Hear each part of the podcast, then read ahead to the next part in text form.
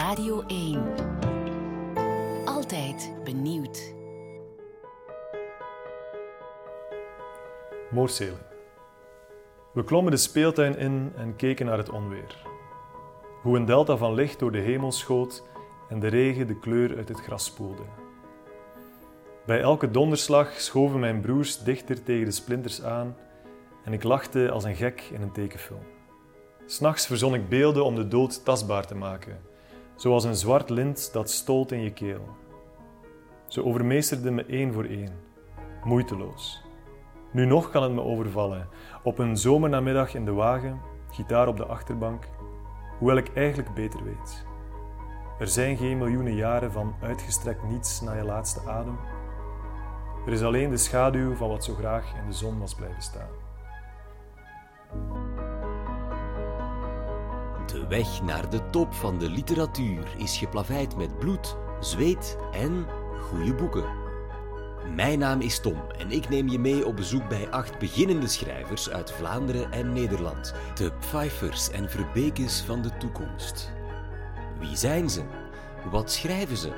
Maar ook, wat staat er in hun boekenkast? Want je bent wat je leest. Een lijstje van alle boeken die zo meteen vermeld worden vind je terug op langzullenwelezen.be. Zo kan jij rustig genieten van Groen Gebladerte.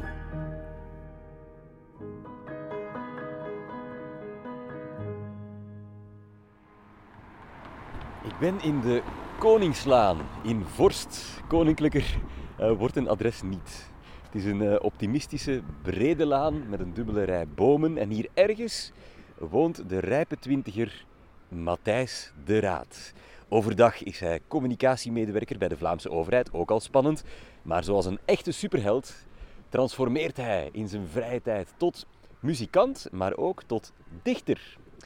Zijn debuutbundel, De schaduw van wat zo graag in de zon was blijven staan, is een absolute parel en daar hebben we het eh, straks vast over. Maar eerst wil ik weten wat Matthijs zelf leest.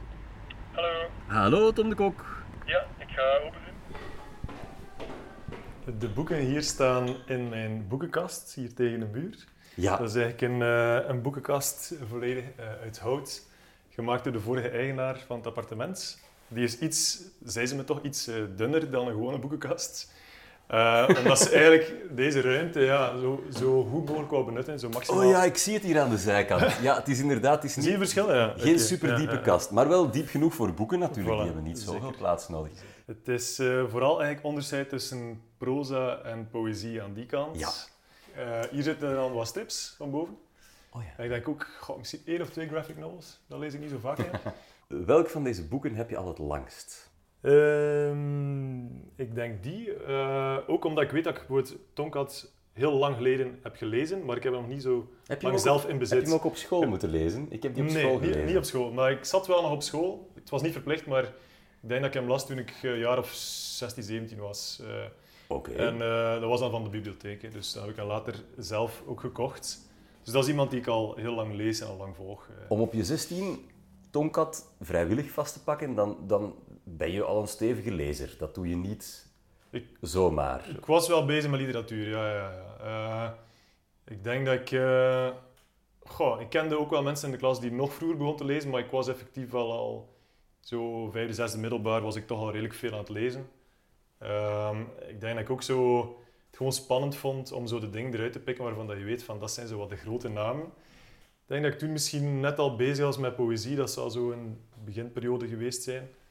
Dus eh, dat sprak mij ook wel aan. Het taalgebruik, het zintuigelijke, het beeldende. Ja, er zit heel veel onder het oppervlak dat je misschien als beginnende schrijver niet meteen zou, zou uitproberen of zo. Dus iemand die wel niet bang is van het experiment, dat is zeker. Wie is je lievelingsauteur in Vlaanderen? In Vlaanderen, Vlaanderen en Nederland.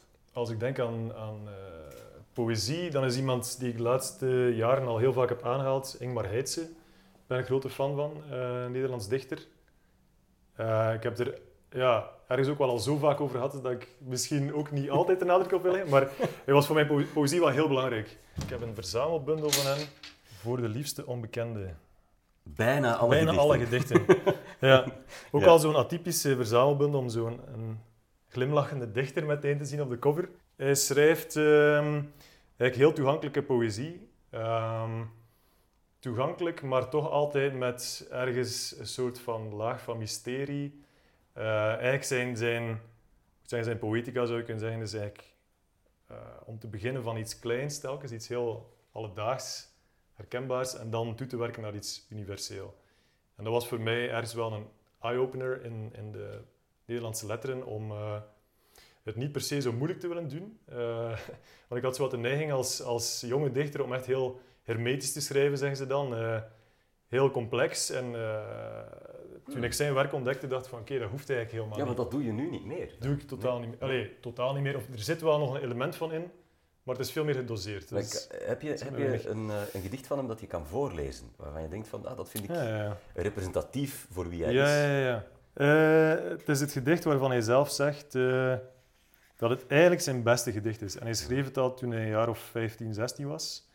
Dus Wauw. kunnen zeggen, dat is ergens misschien triest of zo, dat het daarna eh bergaf ging. Maar bon, hij zei van, eigenlijk qua, qua techniek is hij beter geworden, maar qua inhoud of qua intensiteit is dat echt al ja, bijna zijn, zijn, zijn hoogtepunt of zo. Ik heb het nog nooit voorgelezen, dus ik ben benieuwd hoe dat gaat werken. Maar eh, Vos onder ijs. Deze winter bij het schaatsen, vos onder ijs. Twee glazen ogen keken op, alsof hij zo omhoog zou springen met open bek als het plotseling zomer werd. Ik vlucht voor honderd boeren. Water breekt, ik zwem mij langzaam dood. Mijn laatste woorden zijn gedacht, ik kan niet meer en spreken gaat niet hier. Het is eenzaam aan deze kant van het papier. Het is zo eenzaam hier. Het was vooral bij het lezen van Hugo Claus en Paul Snoek eh, in de middel, in de middelbare school dat ik dacht van oké, hier kan ik wel iets mee. Ik had minder met eh, Herman de Koning, hoewel ik daar nu soms mee vergeleken word eigenlijk. Eh, ik, vond dat, ik vond dat wel mooi, maar als tiener zocht ik precies nog naar iets, Mm. iets anders of iets. Ja. En zo dat beeldende van, van, van Snoek en van Klaus, ja, dat vond ik echt super inspirerend en heel, heel filmisch vaak ook. Nausgaard. Ja, Ehm, liefde heb je daarvan staan. Want Liefde er heb ik bestaat, staan. Er bestaat een hele reeks van, hè? klopt. Ik heb het eerste deel ook eigenlijk, maar dat ligt nog bij mijn ouders. Ik vind die, ja, vind die ook echt fantastisch. Eh, ik hou wel van, van eh, het realisme erin en eigenlijk opnieuw met heel kleine alledaagse dingen iets fantastisch doen en, en eh, is doorleefd. Ik denk dat is misschien wel een rode draad dat ik, dat ik ergens hou van boeken waarin dat er zoiets, dat er ergens zo, ja, ik zou durven zeggen, zo ergens iets in brand of zo. Dat je voelt van, er is, er is daar echt een stem die je vanaf het begin direct meeneemt. En dat vind ik wel zo'n schrijver die, die je eigenlijk kan boeien met eh, heel kleine zaken. En die kan gewoon een... in, in, in Vader is er opeens een heel lange, heel lange passage over het feit dat ze ergens een bak bier zijn gaan halen toen hij 16 jaar was. Op weg naar een eh, nieuwjaarsfeestje. Maar dan maakt hij daar iets heel episch van bijna. Of iets heel ehm meeslepend van. Gewoon puur door, door het zo, zo sterk te beschrijven. Zo... De kern zou je kunnen zeggen is het, echt het overweldigend aspect van liefde. Ja. Er zit blijkbaar ook ergens een passage in die hij geschreven heeft in 24 uur tijd. Hij wou zo in een soort van roes geraken van... eh, ja, inderdaad, een roes eh, waarin hij bleef schrijven en echt probeerde naar de kern te gaan van wat is nu liefde en wat, hoe... Eigenlijk de vraag van, kan ik, kan ik heel dicht raken bij dat overweldigend gevoel van de eerste keer verliefd te zijn, bijvoorbeeld. Dat we wij zowel in de vorm als in de inhoud na- naar boven brengen. Dus, Ja. ehm, Jij bent ehm, een van de eerste mensen die ik tegenkom die Joost Omen het Perenlied in zijn boekenkast heeft staan. Hoe Ja, kom je daaraan? Ja, door de podcast. eh, Ja, serieus? heb je die wel, wel. gehoord? Ja. Ja, ik heb, wat- die heb ik beluisterd. Ik vond, vond ik een heel eh, leuke aflevering. Ik kan het wel, ik kan het wel smaken. Ik kan wel zo... Magisch realisme, ik heb het ook... Paul Auster is ook wel iemand die dat, die dat doet. Of Murakami. Dat magisch aspect dat erin zit, dat kan ik wel smaken. En inderdaad, Joost Omen, ja, die doet er wel weer volledig zijn eigen ding mee. Heel uniek momenteel in de, in de Nederlandse letteren om zoiets te doen. Hij heeft iets met fruit en Ja, bieten en Disney klopt. gedaan dat zich niet laat samenvatten. Hij kan het zelf ook niet samenvatten. Ehm, Ja, maar het is, een, ja, het is een absolute, ik kan ook getuigen, het is een absolute aanrader. Het is zo Zeker. anders dan, dan alle andere. Jij zei dat je dat bij Maanpaleis van Paul. Auster ook eh, vindt. Dat is eigenlijk het verhaal van een jonge man ehm, die net afgestudeerd is van de universiteit en die in New York gaat wonen, helemaal alleen. Dan ontvouwt zich een redelijk waanzinnige avontuurrijk met heel veel toevalligheden, wat dat typisch is voor Auster. Dat hij heel gefascineerd is door toevalligheden die eigenlijk een leven volledig kunnen bepalen en een bepaalde kant uitduwen. En dat zit ook ja, heel hard in Maanpaleis. Ja, het Maanpaleis is eigenlijk een eh, Aziatisch restaurant tegenover het appartementsgebouw van de verteller. Op een bepaalde avond kijkt hij naar dat logo, die, die neonletters. En dat begint een soort van... Er ontvouwt zich opeens een ander universum zo, rond die letters. En dat begint daar te zweven. En dat soort passages vind ik altijd enorm mooi en fascinerend in boeken. Als het zo eventjes wordt... Als de vertelling eventjes wordt opengebroken ja, voor iets dat ergens een deel laat zien van een andere wereld. Welk boek heeft jou recent nog ehm, diep geraakt of boos gemaakt? Iets in jou losgemaakt waarvan je dacht van, oeh, amai. Het ligt hier ook eh, van boven. De Sneeuwpanter. Sylvain Tesson. Sylvain Tesson, ja. Franse schrijver en eh, avonturier. Hij eh, kreeg een uitnodiging van een bekend fotograaf, natuurfotograaf, om op reis te gaan om de sneeuwpanter te spotten. Ja, ik wil niet te veel verklappen natuurlijk over krijgt hij hem dan te zien of niet, maar laten we toch zeggen dat die, dat die sneeuwpanter bijna een soort van religieus eh wezen wordt voor hem. Zo. En, eh, en waar hij eigenlijk van alles op projecteert. Eh, Ja. De band met zijn moeder, de band met een vrouw waarmee hij een relatie heeft gehad. Hij ziet daar dus allerlei herinneringen in. En vanuit opnieuw bijvoorbeeld een observatie van ergens een, een wolf die voorbij wandelt, kan hij, is hij vertrokken naar een heel, heel essay over, over het, het, het geweld in de natuur en, en, en de vreedheid soms ook wel van de natuur. En, Ja. Ah, je hebt ook Dominique de Groen, uiteraard. ja, Dat is klopt. klopt. Ja, ja, zeker. Rana Fabias. Ja, ik, Ja, maar die eh, kennen we al. Die kennen we al. Wie Dus kennen ik- we nog niet? Ik denk bijvoorbeeld iemand die ik nog niet zo lang ken, Audrey Lorde, is iemand die ik heb leren kennen, ik geloof via Instagram. Een andere dichter die iets had gepost, een bepaald gedicht. En het is eigenlijk een Amerikaanse dichteres die vooral in de, ik geloof dat vooral jaren 70, 80 was dat ze publiceerde. The Black Unicorn heb je The Black vast. Unicorn, dat is eigenlijk een van haar bekendste of best onthaalde bundels. Het is iemand die heel, eh, heel erg bezig was met feminisme, met activisme. Ehm, die eh, was ook een lesbische vrouw die daarover wou praten en die, die daar bepaalde taboes wou eh, doorbreken. Ook een zwarte vrouw in Amerika van die tijd. In de Eh, jaren zeventig. ja, ja. Bij haar levert, dat eigenlijk heel ehm, rauwe, energieke poëzie op, die grote indruk maakte. Ehm, ja, je leest het en je wil eigenlijk blijven lezen. Het is een bundel die ik heel snel heb uitgelezen, omdat je echt zo die kracht hebt die je voortstuwt door die bundel. Het is een vrij lijvige bundel. Woedende gedichten soms wel, soms ook heel tedere, erotische gedichten. Dus iemand die het ook wel heel wat mooie liefdespoëzie heeft geschreven, maar altijd met een soort van, heel erg vanuit de onderbuik zo. Heel erg Hmm. Zeker in die tijd werd het echt gezien als vrij expliciet vaak. Sommige dingen eruit zijn nog steeds chockerend eigenlijk. Kunnen we nog eens naar de boeken in je werkkamer gaan, gaan zeker, kijken? Zeker. En het eerste Mhm. wat me opvalt is dat Klaus zeer aanwezig is. Ja, klopt. klopt. De Metsiers vond ik eh, Mm. heel sterk. Zijn, zijn debuut. Ja, Hij was 19 toen hij, toen hij het schreef. Ja. Eh, ik, vond, dat vond is ik een fantastische roman. Ja.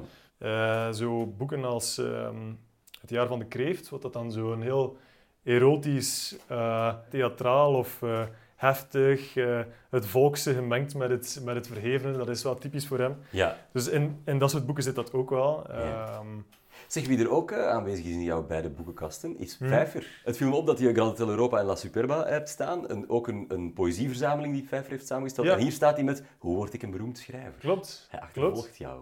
Ja, ja, achtervolgt mij wel. Ja. kamers. Ja. Eh, ja, klopt. Ik dacht wat dat dan een soort van bundeling is van columns over hoe word ik een, eh een Ja, beroemd zelf, schrijver. zelfvullend boek. Waar hij dan bijvoorbeeld zegt van eh, hoe schrijf je een goede seksscène, bijvoorbeeld, wat zijn de voorwaarden. En als je dan inderdaad zijn boeken erop naleest, zie je dat hij zijn eigen regels ook wel goed respecteert. Toch, ja. Ja, dus zo consequent is hij wel. Bijvoorbeeld, ja, misschien ook wel een dichter die niet zoveel mensen kennen, Thomas Tranströmer.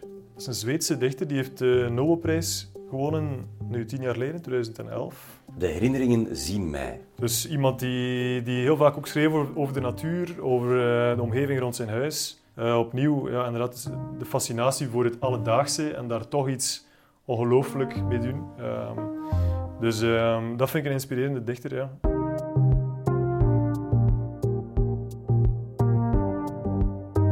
luistert naar Groen Gebladerte, een podcastreeks van Radio 1 en Lang Zullen We Lezen over acht debuterende auteurs van eigen bodem. Zometeen hoor je welk boek ik van dichter Matthijs de Raad absoluut moest lezen. Maar eerst zijn eigen debuut. De schaduw van wat zo graag in de zon was blijven staan. Sterke, directe gedichten over sterfelijkheid, over het opkroppen van emoties, maar vooral over hoe wij mannen het onszelf en de wereld knap lastig kunnen maken. Ik was al een tijdje bezig met schrijven van poëzie die naar mijn gevoel ja, ergens afweek van wat ik ervoor had gedaan. En ik had heel wat gedichten geschreven en was effectief wel aan het denken zo in afdelingen. Uh, bepaalde cycli van gedichten. Uh, er zit bijvoorbeeld een cyclus in waar elk gedicht een uh, plaatsnaam draagt als titel.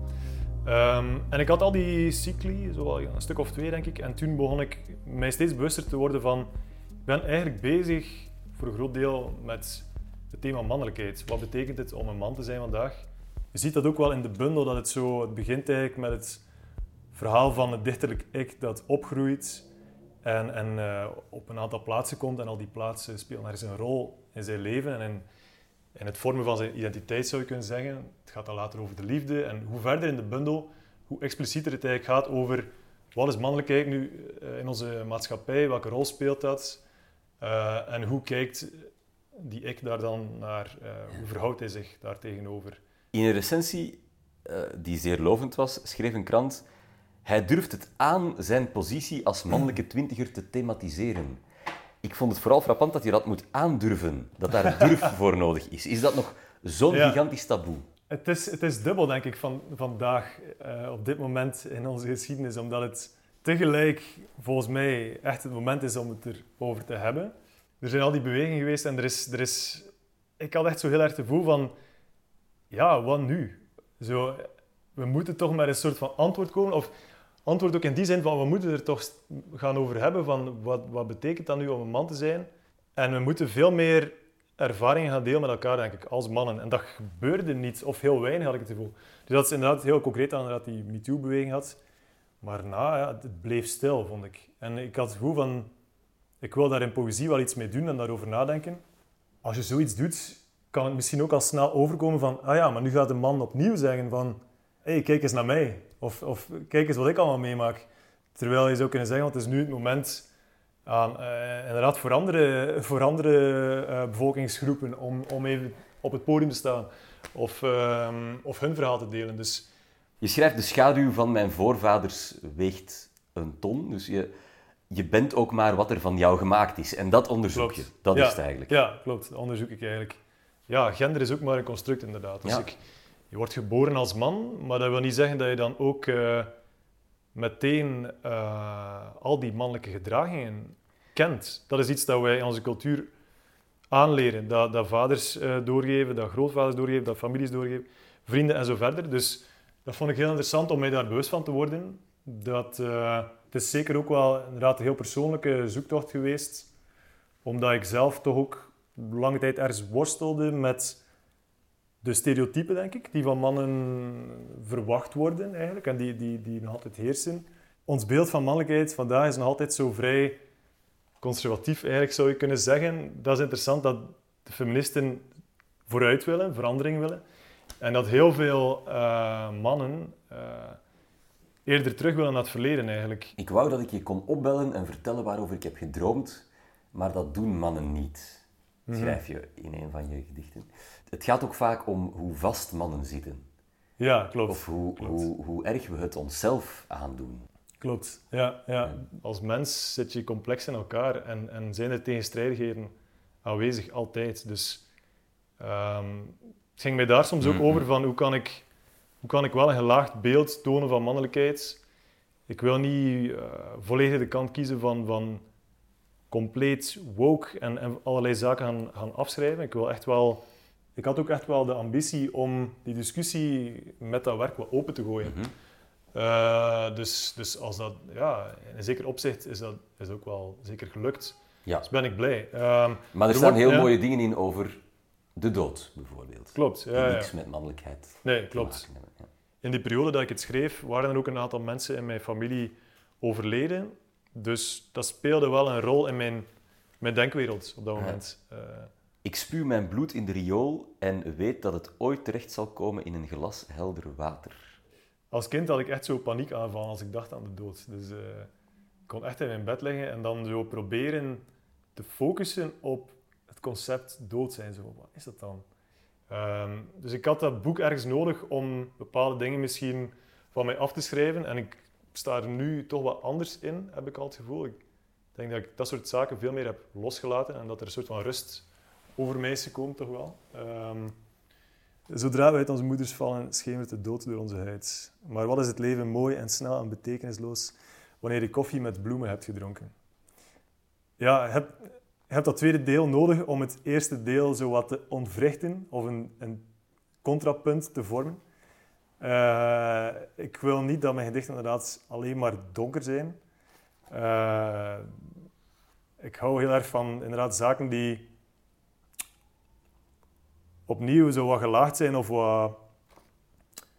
Ja, uh, tegelijk licht en, en donker zijn eigenlijk. Ja. Um, om bijvoorbeeld ook iemand aan te halen, ik, ik luister veel muziek. Uh, ik vind iemand als uh, Matt Berninger van The National wel een mhm. inspiratiebron, ook voor teksten eigenlijk, omdat dat iemand is die ook...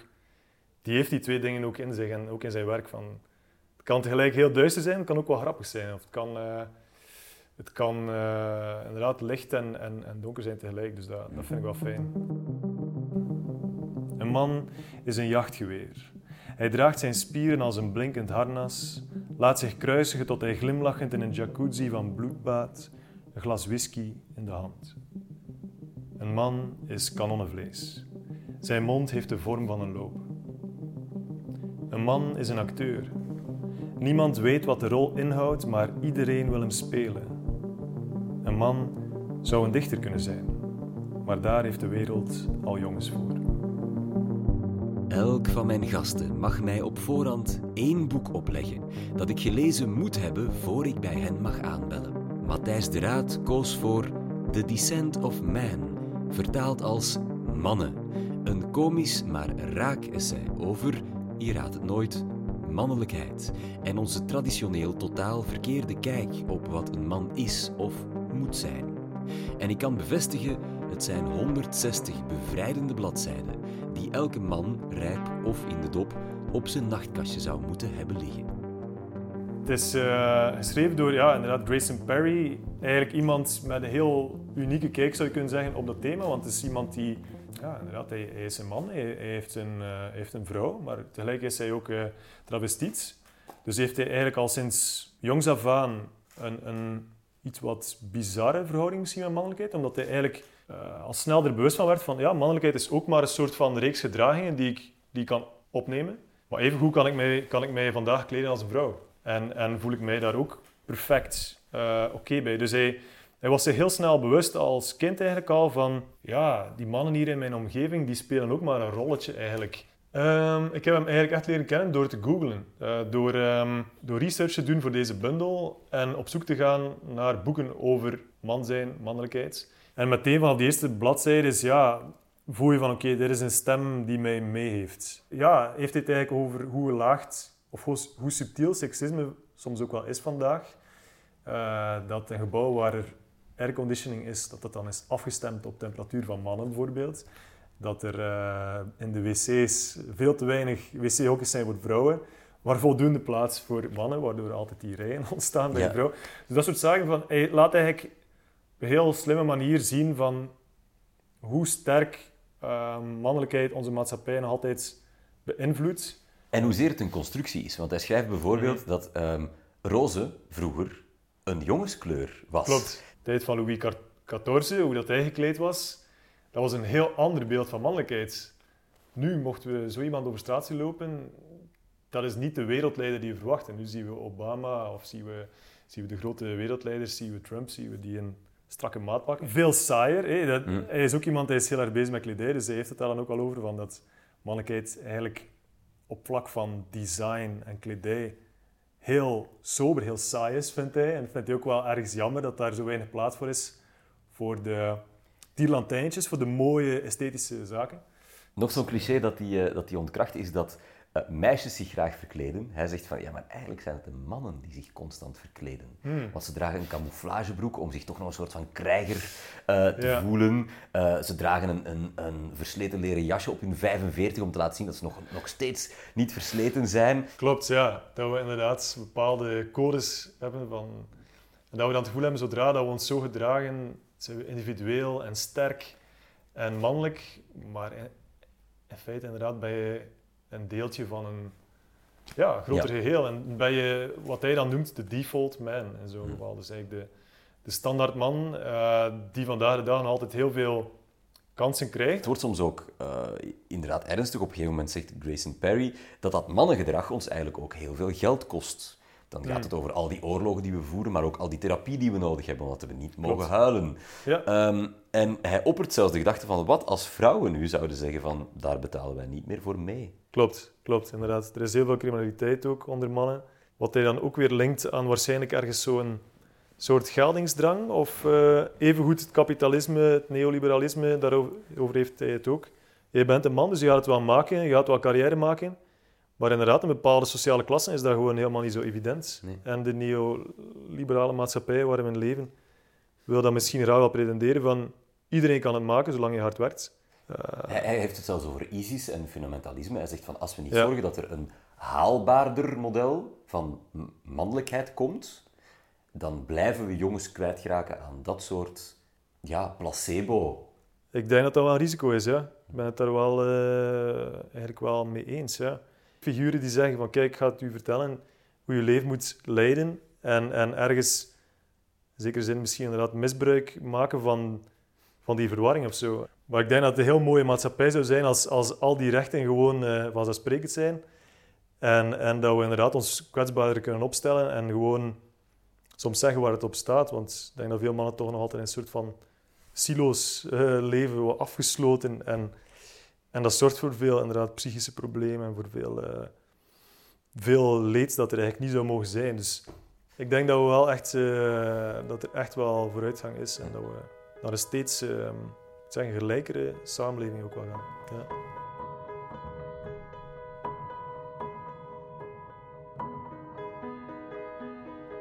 Alle boeken die in deze podcast de revue passeerden, vind je terug op langzullenwelezen.be, het boekenplatform van de openbare omroep.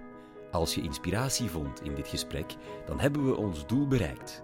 Deel gerust je enthousiasme met een beoordeling of een aanbeveling in je favoriete podcast-app. Daar kan je ook de vorige twee seizoenen van Groen Gebladerte beluisteren. De prachtige muziek die je hier hoort werd speciaal voor ons gecomponeerd door Sander de Keren.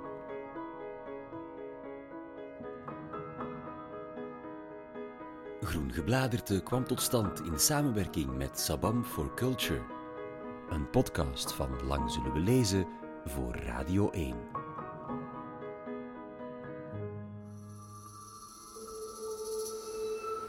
Dit was Groen Gebladerte, een podcast van Radio 1. Ontdek nog meer podcasts van Radio 1 in onze app of op radio1.be. Radio 1. Benieuwd.